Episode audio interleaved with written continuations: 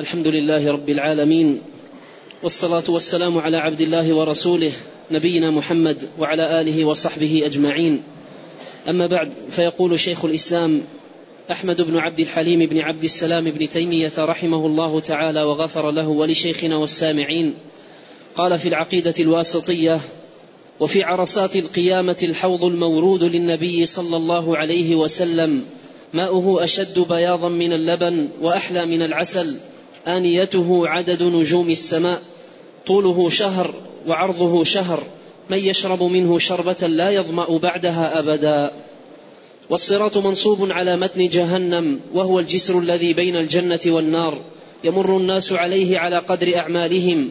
فمنهم من يمر كلمح البصر ومنهم من يمر كالبرق ومنهم من يمر كالريح ومنهم من يمر كالفرس الجواد ومنهم من يمر كركاب الإبل ومنهم من يعدو عدوا ومنهم من يمشي مشيا ومنهم من يزحف زحفا ومنهم من يخطف خطفا ويلقى في جهنم.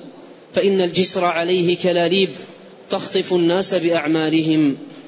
فمن مر على الصراط دخل الجنة فإذا عبروا عليه وقفوا على قنطرة بين الجنة والنار فيقتص لبعضهم من بعض فإذا هذبوا ونقوا أذن لهم في دخول الجنة. وأول من يستفتح باب الجنة محمد صلى الله عليه وسلم وأول من يدخل الجنة من الأمم أمته. وله صلى الله عليه وسلم في القيامة ثلاث شفاعات. أما الشفاعة الأولى فيشفع في أهل الموقف حتى يقضى بينهم. بعد أن يتراجع الأنبياء آدم ونوح وإبراهيم وموسى وعيسى بن مريم عن الشفاعة حتى تنتهي إليه. وأما الشفاعة الثانية فيشفع في أهل الجنة أن يدخلوا الجنة وهاتان الشفاعتان خاصتان له. وأما الشفاعة الثالثة فيشفع في من استحق النار في من استحق النار. وهذه الشفاعة له ولسائر النبيين والصديقين وغيرهم. فيشفع في من استحق النار ألا يدخلها ويشفع في من دخلها أن يخرج منها. ويخرج الله من النار أقواما بغير شفاعة بل بفضله ورحمته. ويبقى في الجنة فضل عمن دخلها من أهل الدنيا فينشئ الله لها أقواما فيدخلهم الجنة. وأصناف ما تضمنته الدار الآخرة من الحساب والثواب والعقاب والجنة والنار وتفاصيل ذلك مذكورة في الكتب المنزلة من السماء والآثار من العلم المأثور عن الأنبياء وفي العلم الموروث عن محمد صلى الله عليه وسلم من ذلك ما يشفي ويكفي. فمن ابتغاه وجده. الحمد لله رب العالمين وأشهد أن لا إله إلا الله وحده لا شريك له وأشهد أن محمدا عبده ورسوله صلى الله وسلم عليه وعلى آله وصحبه أجمعين. أما بعد لا يزال الكلام عند شيخ الإسلام ابن تيمية رحمه الله تعالى متعلقا بالإيمان باليوم الآخر الذي هو أحد أصول الإيمان الستة وأحد أركان الإيمان العظيمة. وقد مضى ذكر بعض التفاصيل المتعلقة باليوم الآخر. وعرفنا من خلال بيانه رحمه الله أن الإيمان باليوم الآخر يتناول كل ما يكون بعد الموت.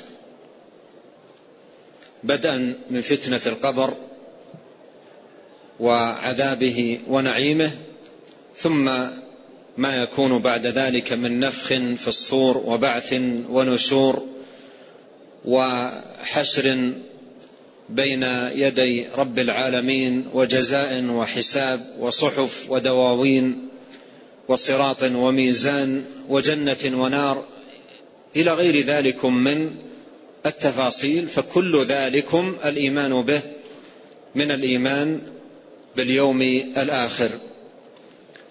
قال رحمه الله تعالى وفي عرصة يوم القيامة أو وفي عرصات يوم آه، وفي عرصات القيامة الحوض المورود. العرصة جمع عرصات وهي البراح من الأرض بين الدور يقال لها عرصة يقال لها عرصة ولا تزال تعرف في بعض المناطق بهذا الاسم الأرض البراح التي تكون بين الأبنية وبين الدور تسمى عرصة والجمع منها عرصات وقوله في عرصة القيامة أي في الموقف يوم القيامة يوم يقف الناس على أرض عفراء مستوية لا ارتفاع فيها ولا انخفاض يحشر فيها الأولون والآخرون. في ذلكم الموضع يكون الحوض. المورود. يكون الحوض المورود. وهذا فيه أن هذا الحوض المورود يكون قبل الصراط الذي هو ينصب على متن جهنم ويكون المرور من فوقه كما سيأتي. فهذا الحوض يكون في عرصة القيامة. وذلك أن الناس يقومون من قبورهم يوم يقومون عطاشا اشتد بهم العطش وهم بأحوج ما يكونون إلى الماء. فيكون في عرصة القيامة الحوض المورود لنبينا عليه الصلاة والسلام. وهو أعظم حوض يكون في ذلك الموقف. قد جاء في الحديث عن النبي صلى الله عليه وسلم إن لكل نبي حوضا. إن لكل نبي حوضا ترده أمته. ونبينا عليه الصلاة والسلام حوضه المورود أعظم حوض. وقال في الحديث إني أرجو أن أكون أكثرهم تابعا. ومعنى ذلك أن يكون وراد الحوض من أمته أكثر من وراد الحوض في من أمم الأنبياء. وجاء في الحديث أيضا أنه عليه الصلاة والسلام يذود عن هذا الحوض من ليس من أمته كما يذود صاحب الإبل آه، عن آه، كما يذود صاحب الإبل إبل الناس عن حوضه. وذلك أن كل أمة لها حوضها أو لنبيها حوض ترده أمته. قال وفي عرصة القيامة الحوض المورود. المورود الذي يرده الناس. وهذا الورود على الحوض ورود والناس في أشد العطش وأشد الحاجة إلى الماء. ومن شرب من هذا الحوض شربة كما جاء في الحديث لم يظمأ بعدها أبدا. يعني بعد أن يشرب منه شربة لا يظمأ لا يحس بعطش بعد ذلك. أي أن العطش ينتهي بعد الشرب من هذا الحوض شربة واحدة ينتهي العطش. ويكون شرب الماء فيما بعد وفي الجنة ليس لاشتداد العطش. وتأذي النفس بعدم الماء وإنما يشرب الماء تلذذا. بعد ذلك يكون شربه للماء شرب تلذذ وتذوق لا عن عطش لأن العطش ينتهي بأول شربة يشربها المؤمن من الحوض. نسأل الله الكريم رب العرش العظيم من فضله. فقال وفي عرصة القيامة الحوض المورود للنبي عليه الصلاة والسلام. خصه رحمه الله بالذكر لأنه أعظم حوض وأكثر آه، الأحواض التي تكون يوم القيامة ورودا فهو أعظمها شأنا وهو الحوض المختص بنبينا الكريم عليه الصلاة والسلام. جاء وصف هذا الحوض في السنة الصحيحة عن نبينا عليه الصلاة والسلام بعدة صفات. منها أن ماءه أشد بياضا من اللبن. فهذا من حيث اللون. لون الماء فهو في بياض آه، أشد من بياض اللبن. ومن حيث الطعم طعمه أحلى من العسل. أي فيه حلاوة ولذة ومذاق جميل وحلاوته ولذته أحلى من العسل. وآنيته عدد نجوم السماء. في بعض الأحاديث كنجوم السماء فتكون آنيته أو كيزانه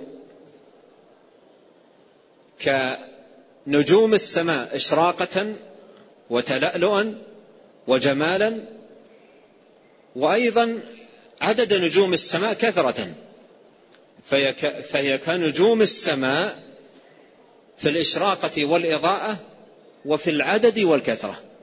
فهي كثيرة جدا. طوله شهر وعرضه شهر. طوله شهر وعرضه شهر. وجاء أيضا أن زواياه سواء. فمعنى ذلك أنه حوض مربع لأن الذي طوله مثل عرضه وزواياه سواء مربع. ليس مستطيلا ولا مستديرا وإنما هو مربع طوله وعرضه طوله شهر وعرضه شهر.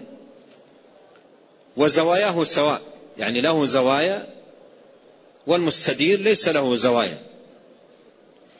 فهو من حيث الشكل مربع من حيث اللون الماء أبيض من اللبن من حيث الطعم أحلى من العسل ومن حيث الشكل شكل الحوض طوله شهر وعرضه شهر.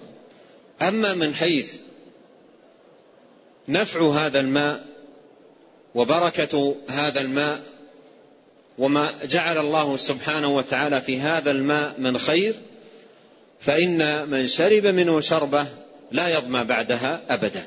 من شرب شربة من هذا الماء لا يظمأ بعدها أبدا. معنى ذلك أن ما يسمى بالعطش ينتهي. ما يسمى بالعطش ينتهي بشربة واحدة يشربها من هذا الحوض ينتهي آه، العطش بعد ذلك أبد الآباد. لا يحس المسلم بعد ذلك بعطش لا يعطش. ويكون كما أسلفت شربه للماء بعد ذلك ليس عن عطش أو تأذن بافتقاد الماء أو نحو ذلك وإنما يكون شربه له من باب التلذذ. وقد ثبت في الحديث أن أناسا يذادون عن الحوض أي يمنعون عن وروده. أن أناسا يذادون عن الحوض أي يمنعون من وروده. يأتون أشد ما يكونون حاجة من العطش ويرون الحوض أمامهم وهم بحاجة شديدة إلى الماء فيذادون. يمنعون من الورود.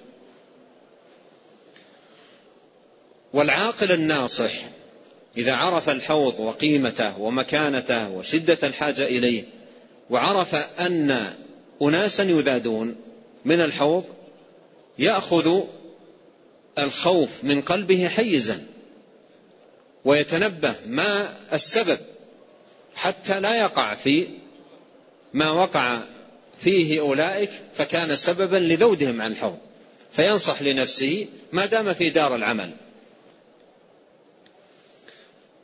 فيقول أصحابي أصحابي فيقال إنك لا تدري ما أحدثوا بعدك. إنك لا تدري ما أحدثوا بعدك. فدل ذلك على أن الذود عن الحوض سببه الحدث في الدين. الحدث في الدين. وهجران هدي سيد الأنبياء والمرسلين وأن يعمل الإنسان بما يملي عليه هواه. بما يملي عليه هواه يعمل به. فمن كان كذلك معرضا عن هدي نبي عن هدي النبي عليه الصلاة والسلام مقبلا على الأهواء والبدع والمحدثات فإنه حري أن يذاد عنه لأنه قال لا تدري ما أحدثوا بعدك. لا تدري ما أحدثوا بعدك. وجاء, وجاء في بعض الروايات إنهم لم يزالوا مرتدين منذ تركتهم. إنهم لم يزالوا مرتدين منذ تركتهم. فيكون المعني بذلك من كان من الأعراب ومن هم في البوادي ممن بلغهم الإسلام ووصلهم وأسلموا ولكن لم يتمكن منهم الإسلام. لم يتمكن منهم الإسلام ولم تخالط بشاشته قلوبهم. فارتدوا بعد موت النبي عليه الصلاة والسلام.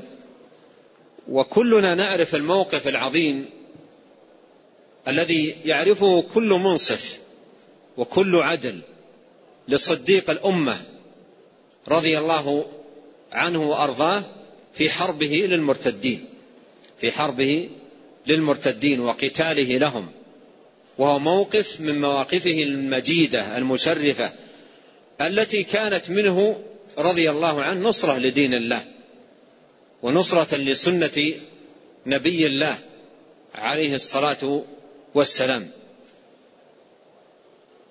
فيكون المراد بمن يذاد عن الحوض بناء على ما جاء في الحديث من روايات من ارتد عن الإسلام ومات على الردة والعياذ بالله ومن كان معرضا عن هدي النبي عليه الصلاة والسلام مقبلا على محدثات الأمور لا يعمل إلا ما يملي عليه هواه أو ما كان من الأمور المحدثات فلا تنهض نفسه للسنن بل تعرض عنها ويقبل على البدع والأهواء ويكب عليها.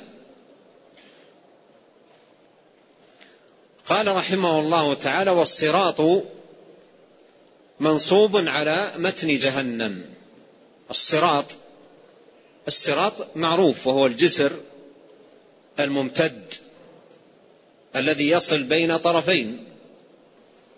يصل بين طرفين يعبر من فوقه ويسار من فوقه ليصل الإنسان من طرف إلى طرف أو من جهة إلى جهة. فالوصول إلى الجنة والعبور إليها لا يكون إلا من على الصراط. لا يكون إلا من على الصراط من فوق الصراط. وهو صراط كما قال المصنف رحمه الله منصوب على متن جهنم. متنها أي ظهرها فوقها. فوق جهنم. فيمد هذا الصراط فوق جهنم وتكون النار تحت من يمر. تكون النار بعمقها وعذابها ولهبها تحت من يمر. ولا لا سبيل إلا من على الصراط. وجاء وصفه أنه أدق من الشعر وأحد من السيف. فلك أن تتصور هذا الأمر وكل منا سيمر به. لكن من الخير الإنسان أن يتصوره وأن يتذكره وأن يهيئ الأسباب.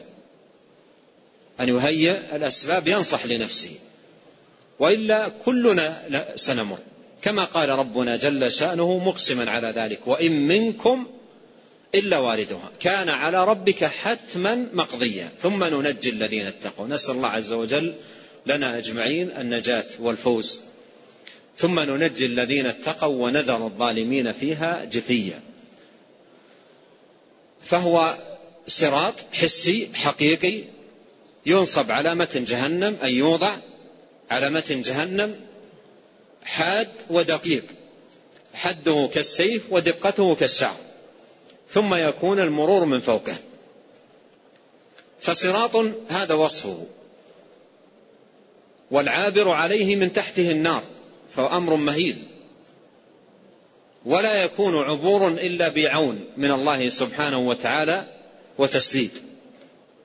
ولهذا يتفاوت الناس في عبورهم على هذا الصراط كتفاوتهم في السير على الصراط المستقيم في الحياة الدنيا. والله سبحانه وتعالى نصب للعباد في هذه الحياة الدنيا صراطا مستقيما وأمرهم بالسير فيه.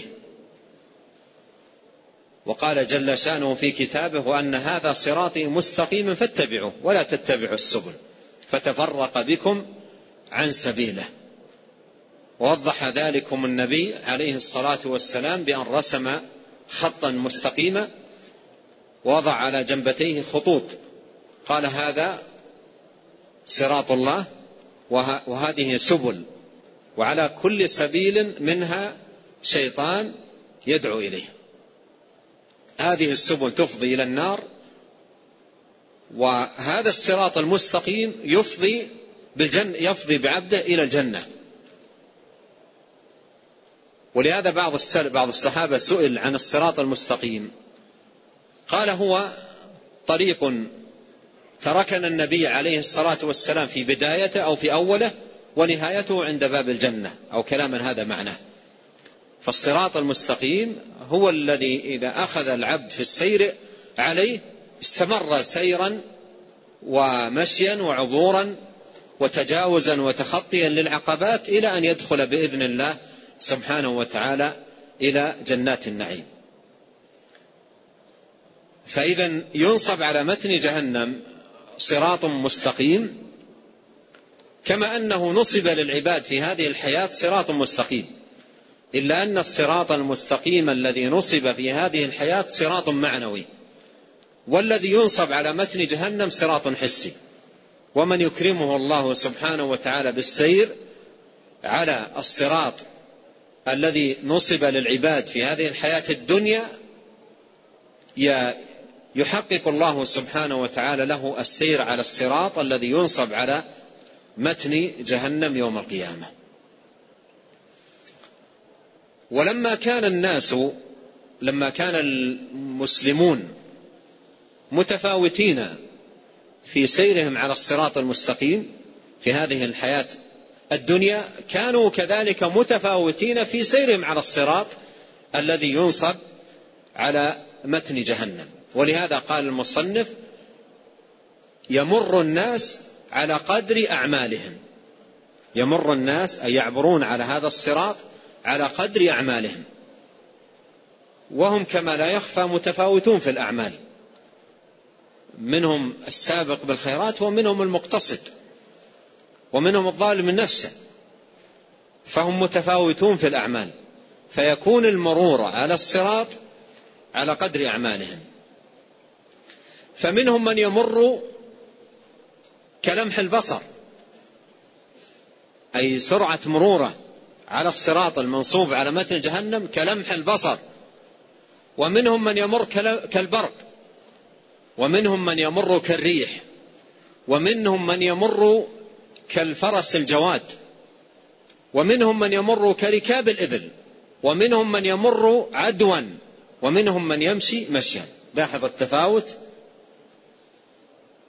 والنبي عليه الصلاة والسلام ذكر ذلك نصحا للأمة وبيانا أن هذا التفاوت في العبور بهذه الصفات التي ذكرها وهذا التفصيل الذي فصله كل ذلك من باب النصيحة من باب النصيحة للعباد حتى يتنبه الإنسان. لأن المرور على هذا الصراط سيكون بهذا التفاوت العظيم. ولو كان الناس في ميدان سباق لو كان الناس في مضمار السباق وفي تنافس وكل يريد أن يكون هو المقدم وقيل لهم إن هذا المضمار سيكون الناس فيه متفاوتين. منهم كالبرق ومنهم كلمح البصر ومنهم كالريح ومنهم كأجاويد الخيل لوجدت كل من يتأمل في هذه الأصناف لتمنى أن يكون أعلاها. كلمح البصر. كلمح البصر ويكون تجاوز وبلغ نقطة الفوز. قال فمنهم من يمر كلمح البصر ومنهم من يمر كالبرق ومنهم يمر كالريح ومنهم من يمر كالفرس الجواد ومنهم من يمر كركاب الإبل ومنهم من يعدو عدوا ومنهم من يمشي مشيا ومنهم من يزحف زحفا. ومنهم من يزحف زحفا. ما معنى يزحف زحفا؟ يعني يمشي على الصراط على إليته. يمشي على الصراط على إليته. هذا الزحف. الزحف هو أن يمشي الإنسان على إليته. تكون إليته ملتصقة بالأرض ويمشي. هذا يسمى زحف. يسمى زحفا. فمن الناس من يكون مشيه على الصراط زحفا. منهم من يكون مشيه على الصراط زحفا. منهم من يزحف زحفا. وهذه أدنى مراتب المشي. هذه أدنى مراتب المشي. فليس بعد هذه المرتبة من المشي التي هي الزحف إلا السقوط في النار. نسأل الله العافية. ليس بعدها إلا السقوط في النار. قال ومنهم من يخطف ويلقى في جهنم يخطف. جاء في الحديث أن آه، هناك مثل ما قال المصنف منهم من يخطف ويلقى في جهنم فإن الجسر عليه كلاليب. عليه كلاليب. والكلاليب الكلاليب هي الحديد المعكوف. المعكوف رأسه. والحديدة التي طرفها ورأسها معكوف وتكون بيد أحد فيستطيع بالعكف الذي فيها يسحب من أراد أو ما شاء. فالكلاليب هي حديد معكوف الطرف أو معكوف أعلاه قال فإن الجسر عليه كلاليب تخطف الناس بأعمالهم. بأعمالهم تخطفهم بأعمالهم يعني بسبب أعمالهم. أي أعمال هذه؟ التي كانت سببا في أن يخطف ويلقى في النار. أي أعمال؟ هذه أعمال السيئة. أعماله السيئة إضاعة في هذه الحياة. تكون هذه الأعمال سببا لأن يخطف. نسأل الله العافية والسلامة. سببا لأن يخطف ويلقى في النار.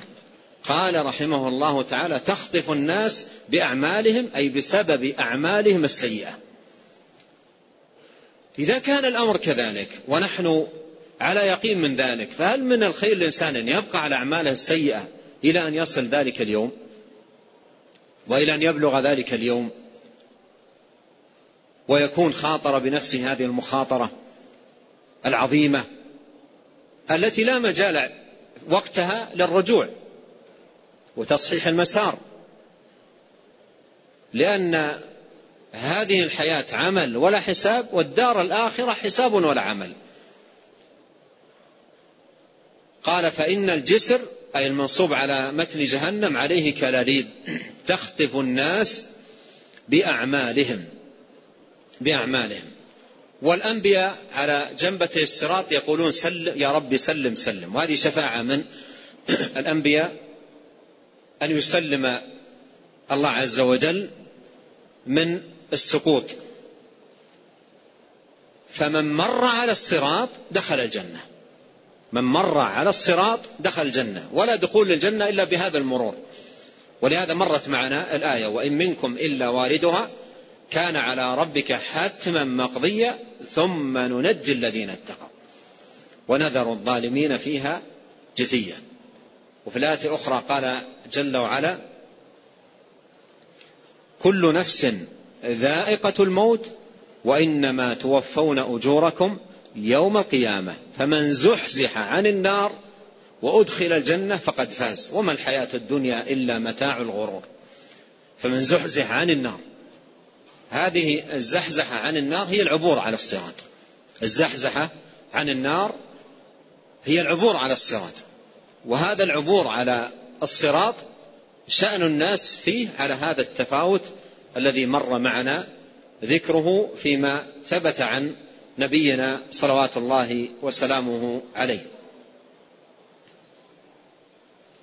قال فمن مر على الصراط دخل الجنة.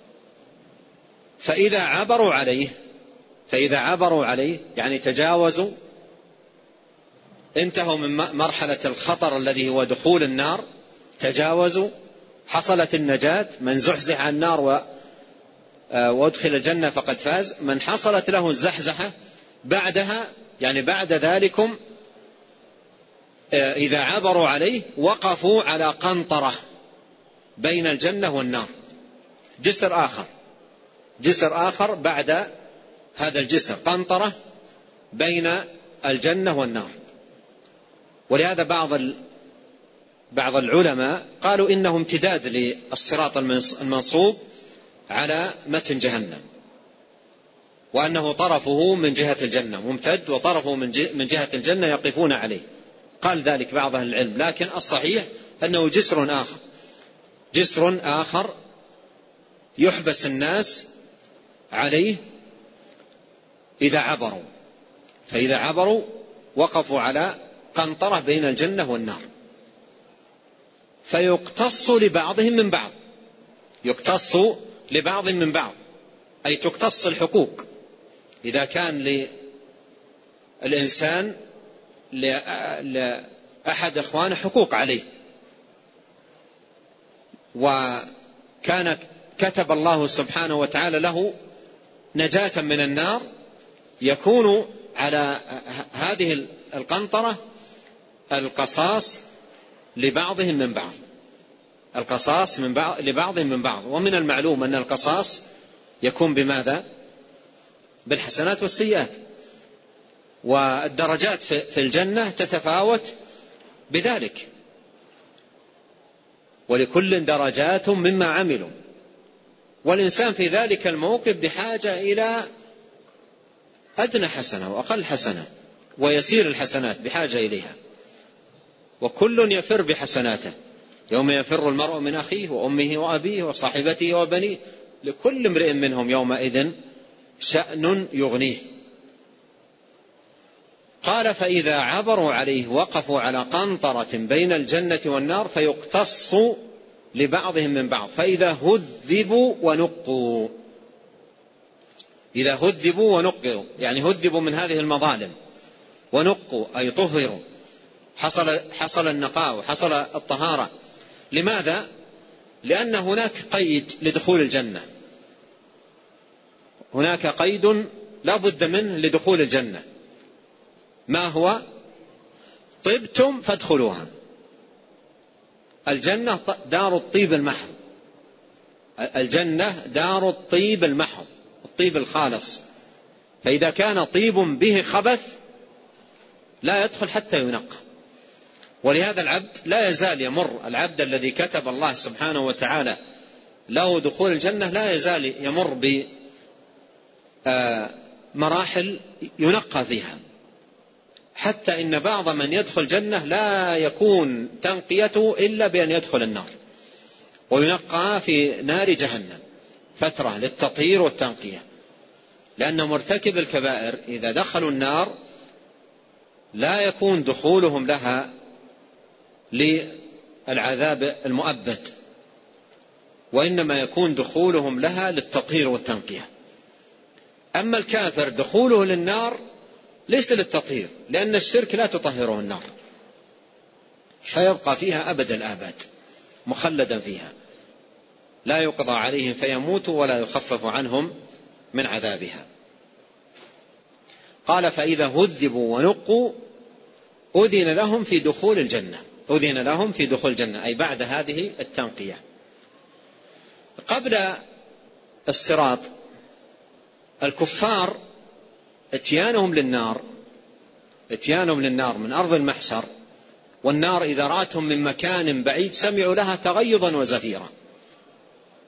سمعوا لها تغيظا وزفيرا. ويأتي هؤلاء الذين هم أهلها أهل التأبيد والخلود في النار يأتون إلى النار يمشون أجارنا الله وإياكم يمشون على وجوههم. يوم يحشرون يوم نعم يوم يسحبون في النار على وجوههم ذوقوا مس سقر. يسحبون على وجوههم. وجاء في حديث صحيح أن النبي عليه الصلاة والسلام قال أو بين ذلك صراحة قال يمشي الكافر على وجهه يمشي على وجهه يعني رجلاه فوق ووجهه على الأرض ويمشي إلى أن يسقط في النار. فقال بعض الصحابة أو يمشي الكافر على وجهه يوم القيامة؟ أو يمشي الكافر على وجهه يوم القيامة؟ فقال عليه الصلاة والسلام أوليس الذي أمشاه على قدميه في الدنيا قادر على أن يمشي على وجهه يوم القيامة؟ قالوا بلى وعزة ربنا. فالكافر يأتي والعياذ بالله على هذه الصفة لأنه نكس دينه. فيأتي منكسا. رأسه إلى أسفل وقدماه إلى أعلى ويمشي إلى أن يصل النار ويحشر ويلقى في في نار جهنم على هذه الصفة على هذه الصفة. يمشي على وجهه إلى أن يلقى في في نار جهنم ثم يبقى فيها أبد الآباد. ومن يعبر على الصراط ثم تخطفه آه، الكلاليب ويسقط يكون هذا السقوط سقوطا لتطهير وتنقية لأن أعماله ما أوصلته سيره على الصراط ما أوصله إلى ماذا؟ ما أوصله إلى النجاة. ما أوصله إلى النجاة إلى مكان النجاة.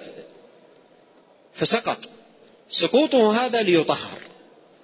ليطهر من هذه الأعمال التي خطف آه، إلى النار بسببها فيطهر في النار وينقى ثم آه، يخرج كما سيأتي إشارة المصنف رحمه الله تعالى إلى ذلك في حال أهل الكبائر.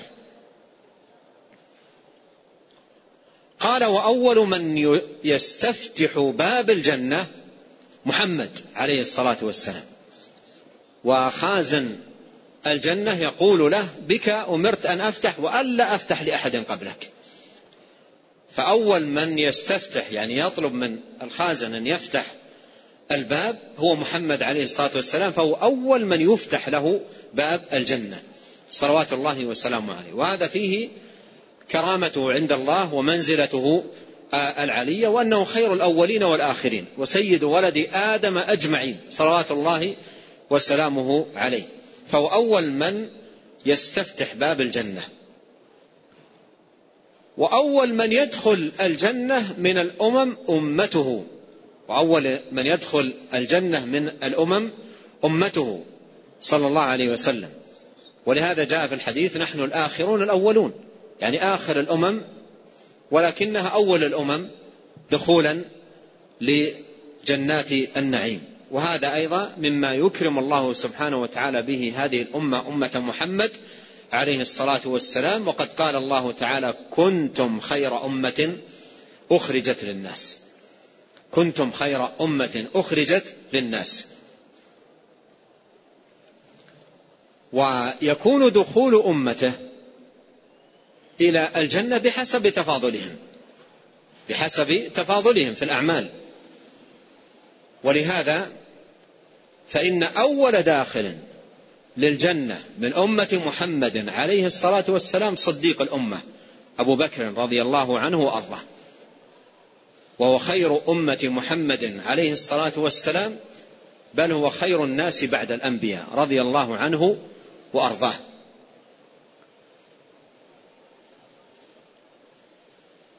قال وله صلى الله عليه وسلم ثلاث شفاعات. وله صلى الله عليه وسلم ثلاث شفاعات. والشفاعة هي طلب الخير للغير. من الشفع وهو ضد الوتر. ولما كان الغير يطلب الخير لنفسه وانضم لطلبه الخير لنفسه طلب غيره الخير له صار ذلك شفعا. ولذا سميت الشفاعة شفاعة. فالشفاعة هي طلب الخير للغير.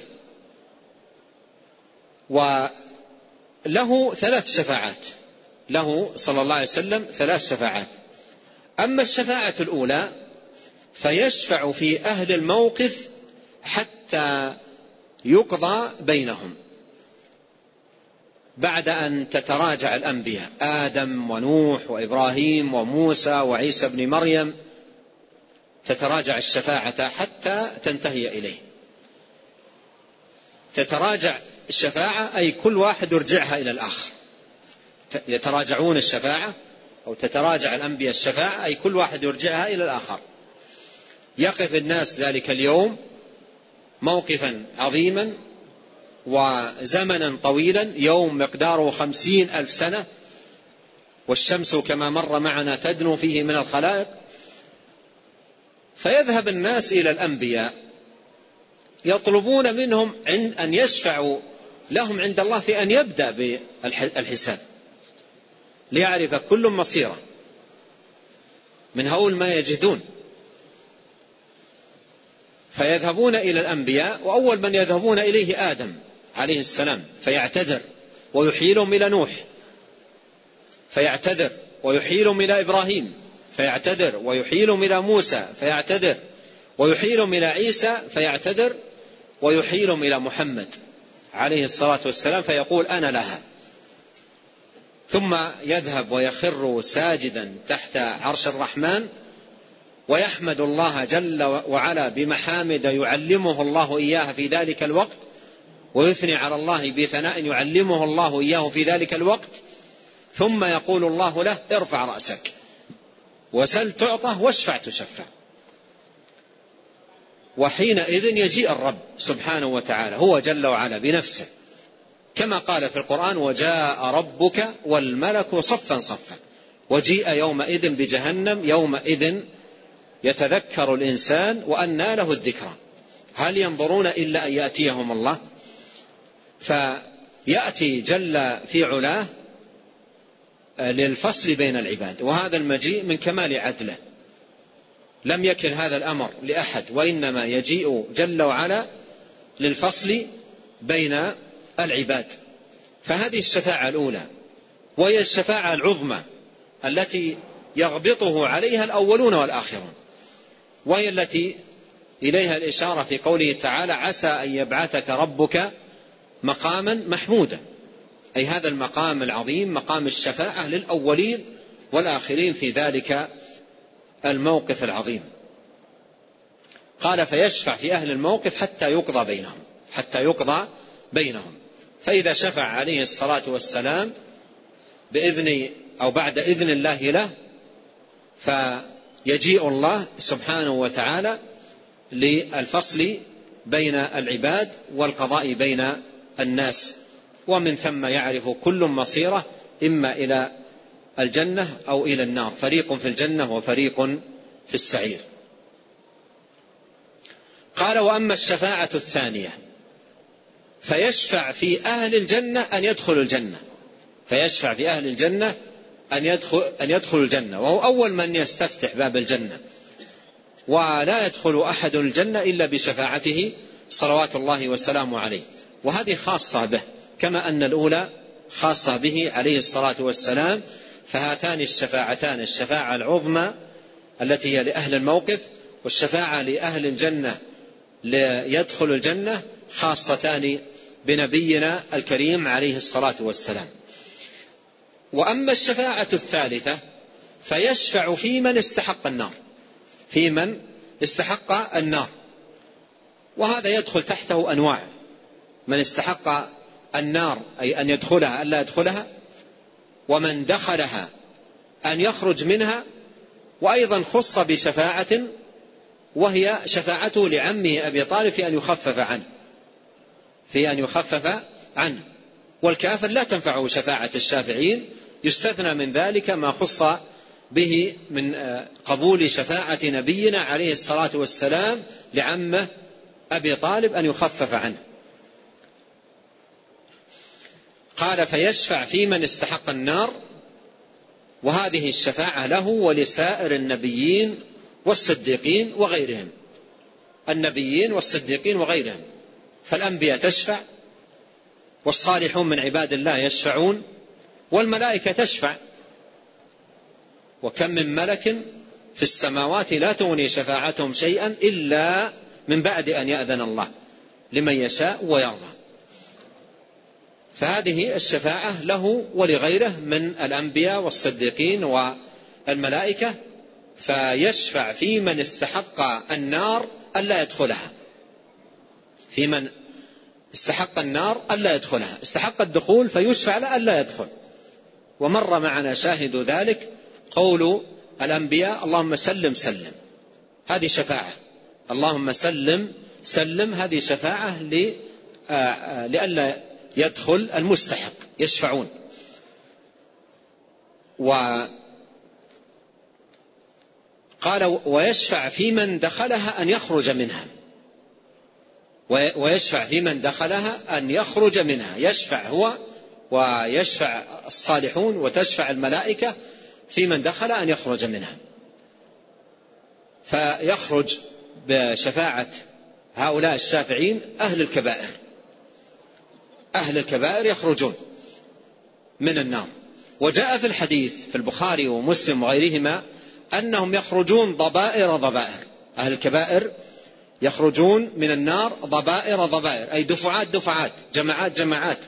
لا يخرج أهل الكبائر من النار دفعة واحدة كلهم وإنما يخرجون دفعات دفعات. لماذا؟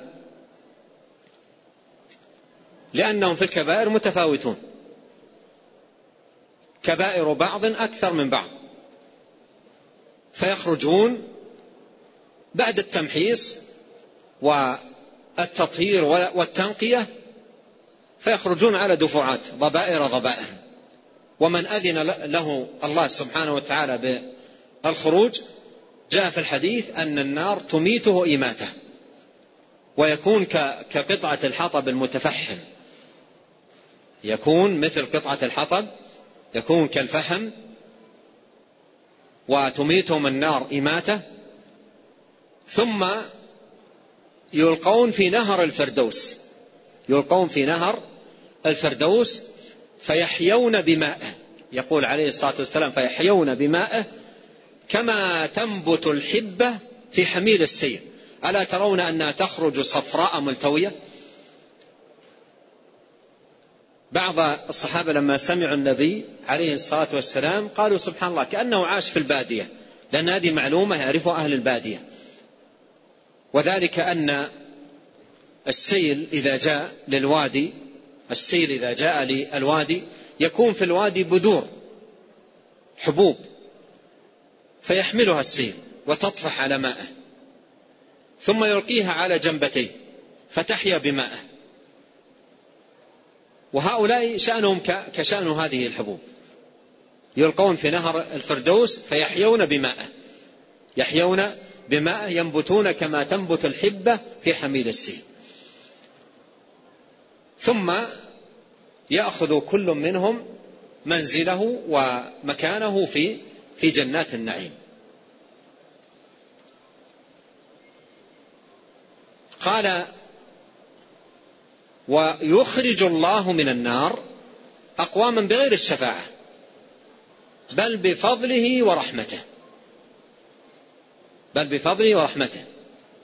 وجاء في بعض الروايات التي فيها ذكر الشفاعة أن الله سبحانه وتعالى يقول وبقيت شفاعة أرحم الراحمين شفاعة أرحم الراحمين.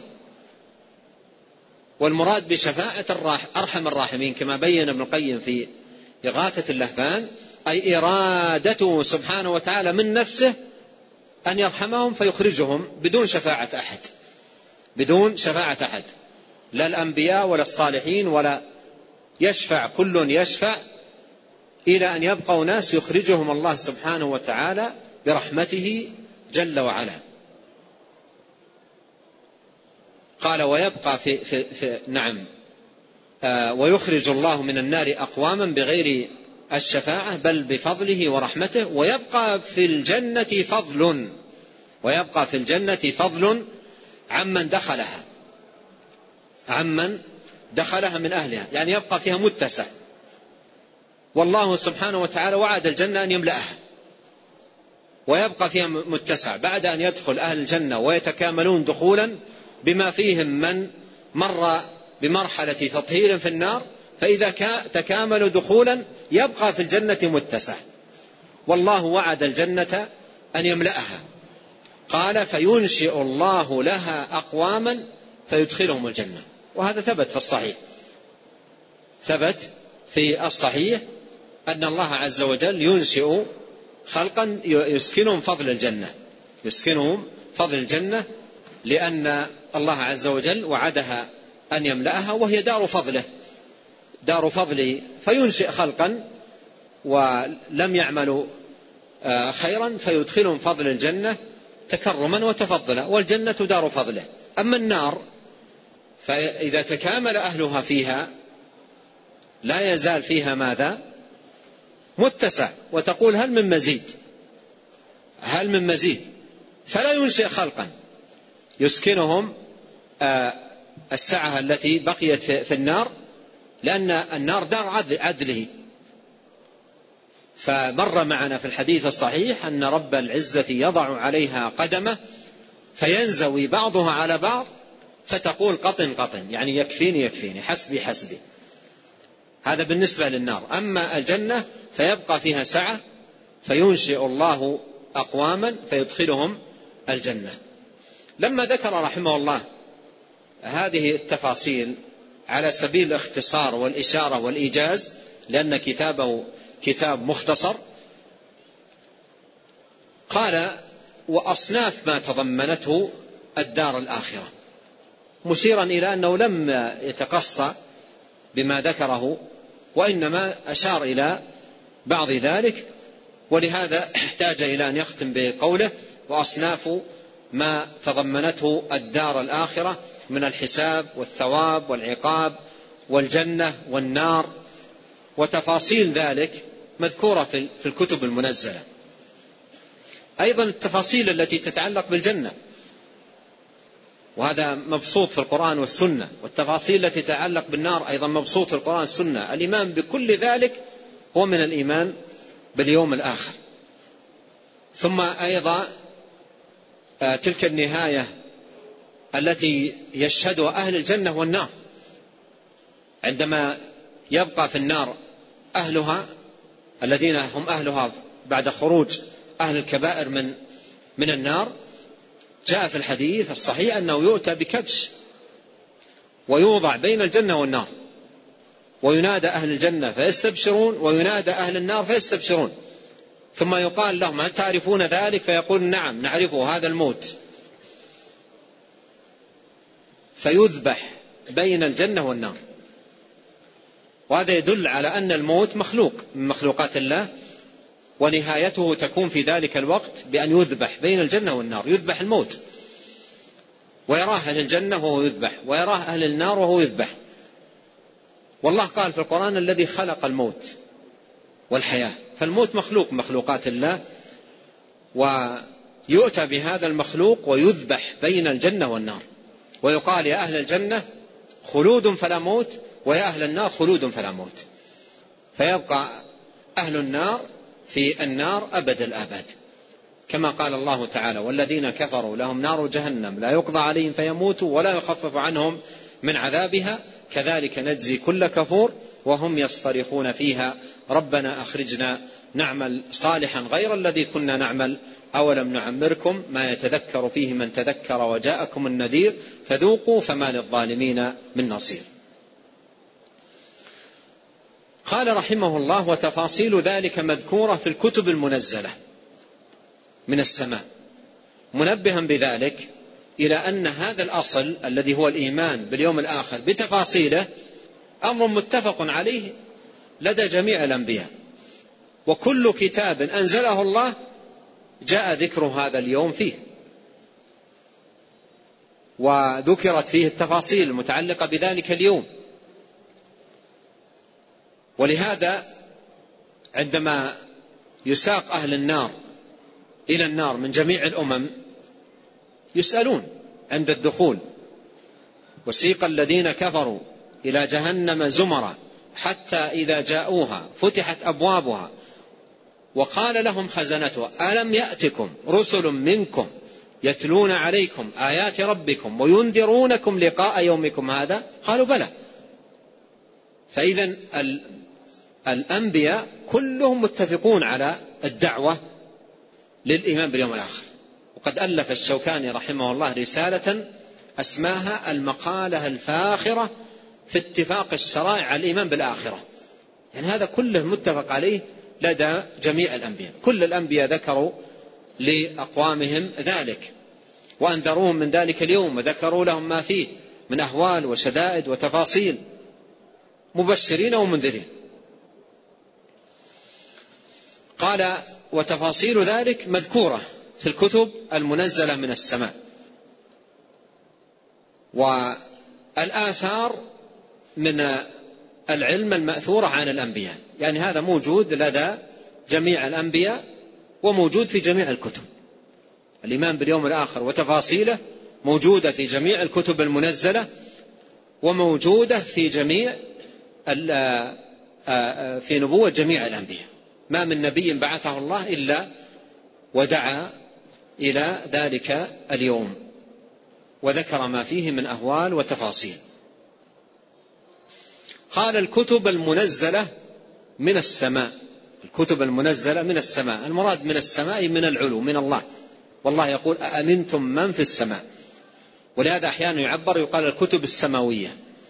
الكتب السماوية. أحيانا يقال الكتب المنزلة. السماوية أي المنزلة من السماء أي من الله. من الله.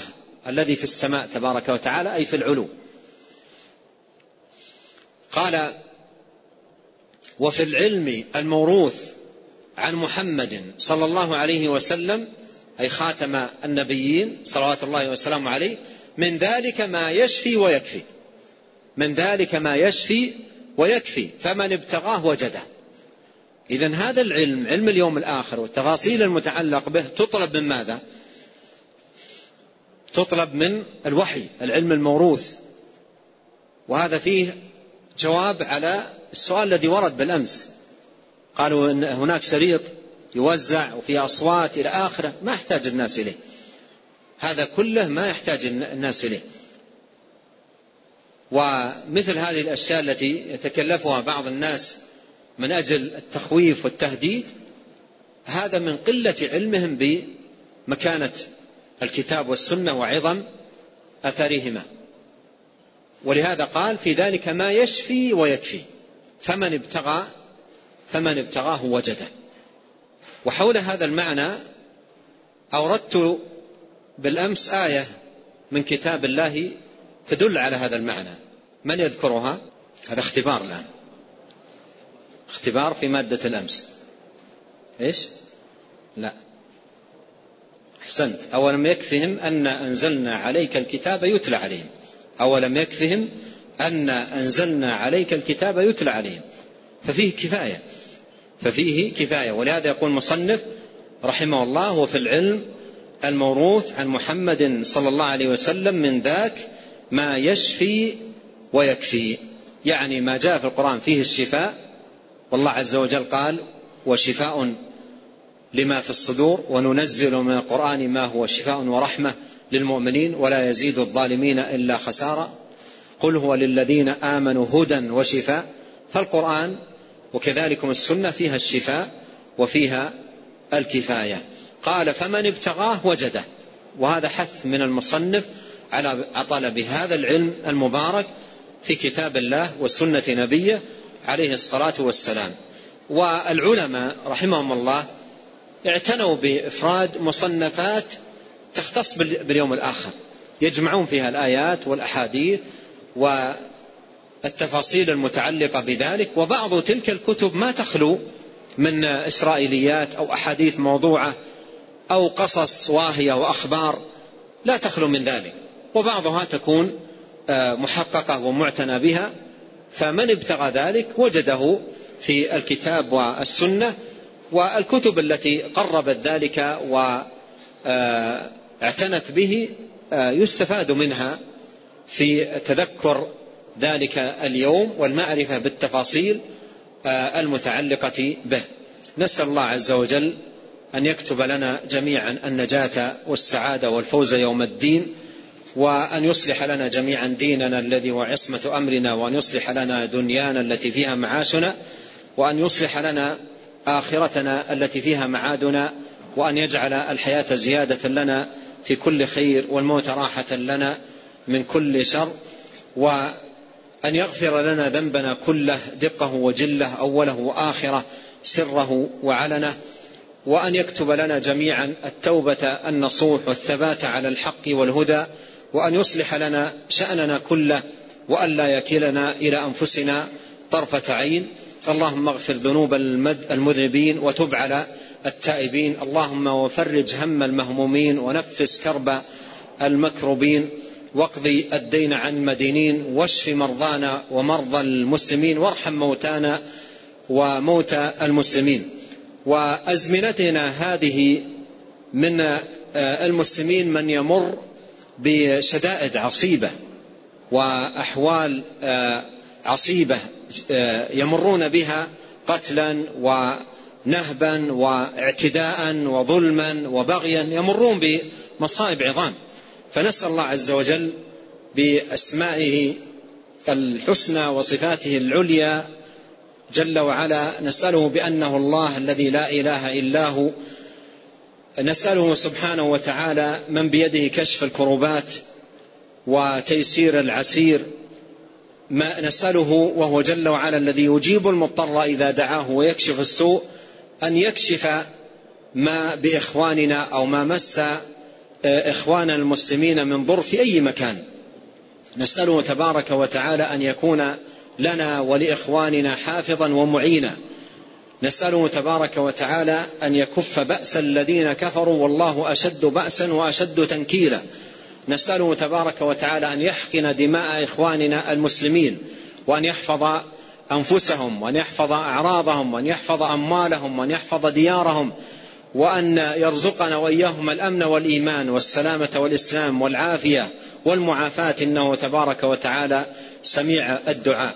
اللهم إنا نسألك بأنك أنت الله لا إله إلا أنت أن تكون لنا ولإخواننا المسلمين في كل مكان حافظا ومعينا. اللهم أعنا وإياهم ولا تعن علينا وانصرنا وإياهم ولا تنصر علينا وامكر لنا ولا تمكر علينا واهدنا ويسر الهدى لنا وانصرنا على من بغى علينا. اللهم اجعلنا لك شاكرين لك ذاكرين إليك أواهين منيبين لك مخبتين لك مطيعين. اللهم تقبل توبتنا واغسل حوبتنا وثبت حجتنا واهد قلوبنا وسدد ألسنتنا واسلل سخيمة صدورنا. اللهم آمنا في أوطاننا وأصلح أئمتنا وولاة أمورنا واجعل ولايتنا في من خافك واتقاك واتبع رضاك يا رب العالمين. اللهم من أرادنا أو أراد أمننا أو إيماننا أو إسلامنا أو سلامنا بسوء فأشغله في نفسه. واجعل كيده في نحره. واجعل تدبيره تدميرا له يا رب العالمين. اللهم إنا نجعلك في نحور أعداء دينك. ونعوذ بك اللهم من شرورهم. يا حي يا قيوم. يا ذا الجلال والإكرام. عسى الله أن يكف بأس الذين كفروا. والله أشد بأسا وأشد تنكيلا. اللهم اقسم لنا من خشيتك ما يحول بيننا وبين معاصيك ومن طاعتك ما تبلغنا به جنتك ومن اليقين ما تهون به علينا مصائب الدنيا. اللهم متعنا بأسماعنا وأبصارنا وقوتنا ما أحييتنا واجعله الوارث منا. ولا تجعل مصيبتنا في ديننا ولا تجعل الدنيا أكبر همنا. ولا مبلغ علمنا ولا تسلط علينا من لا يرحمنا. اللهم لا تسلط علينا من لا يرحمنا. اللهم لا تسلط علينا من لا يرحمنا. سبحانك اللهم وبحمدك. أشهد أن لا إله إلا أنت أستغفرك وأتوب إليك. اللهم صل وسلم على عبدك ورسولك نبينا محمد وآله وصحبه أجمعين.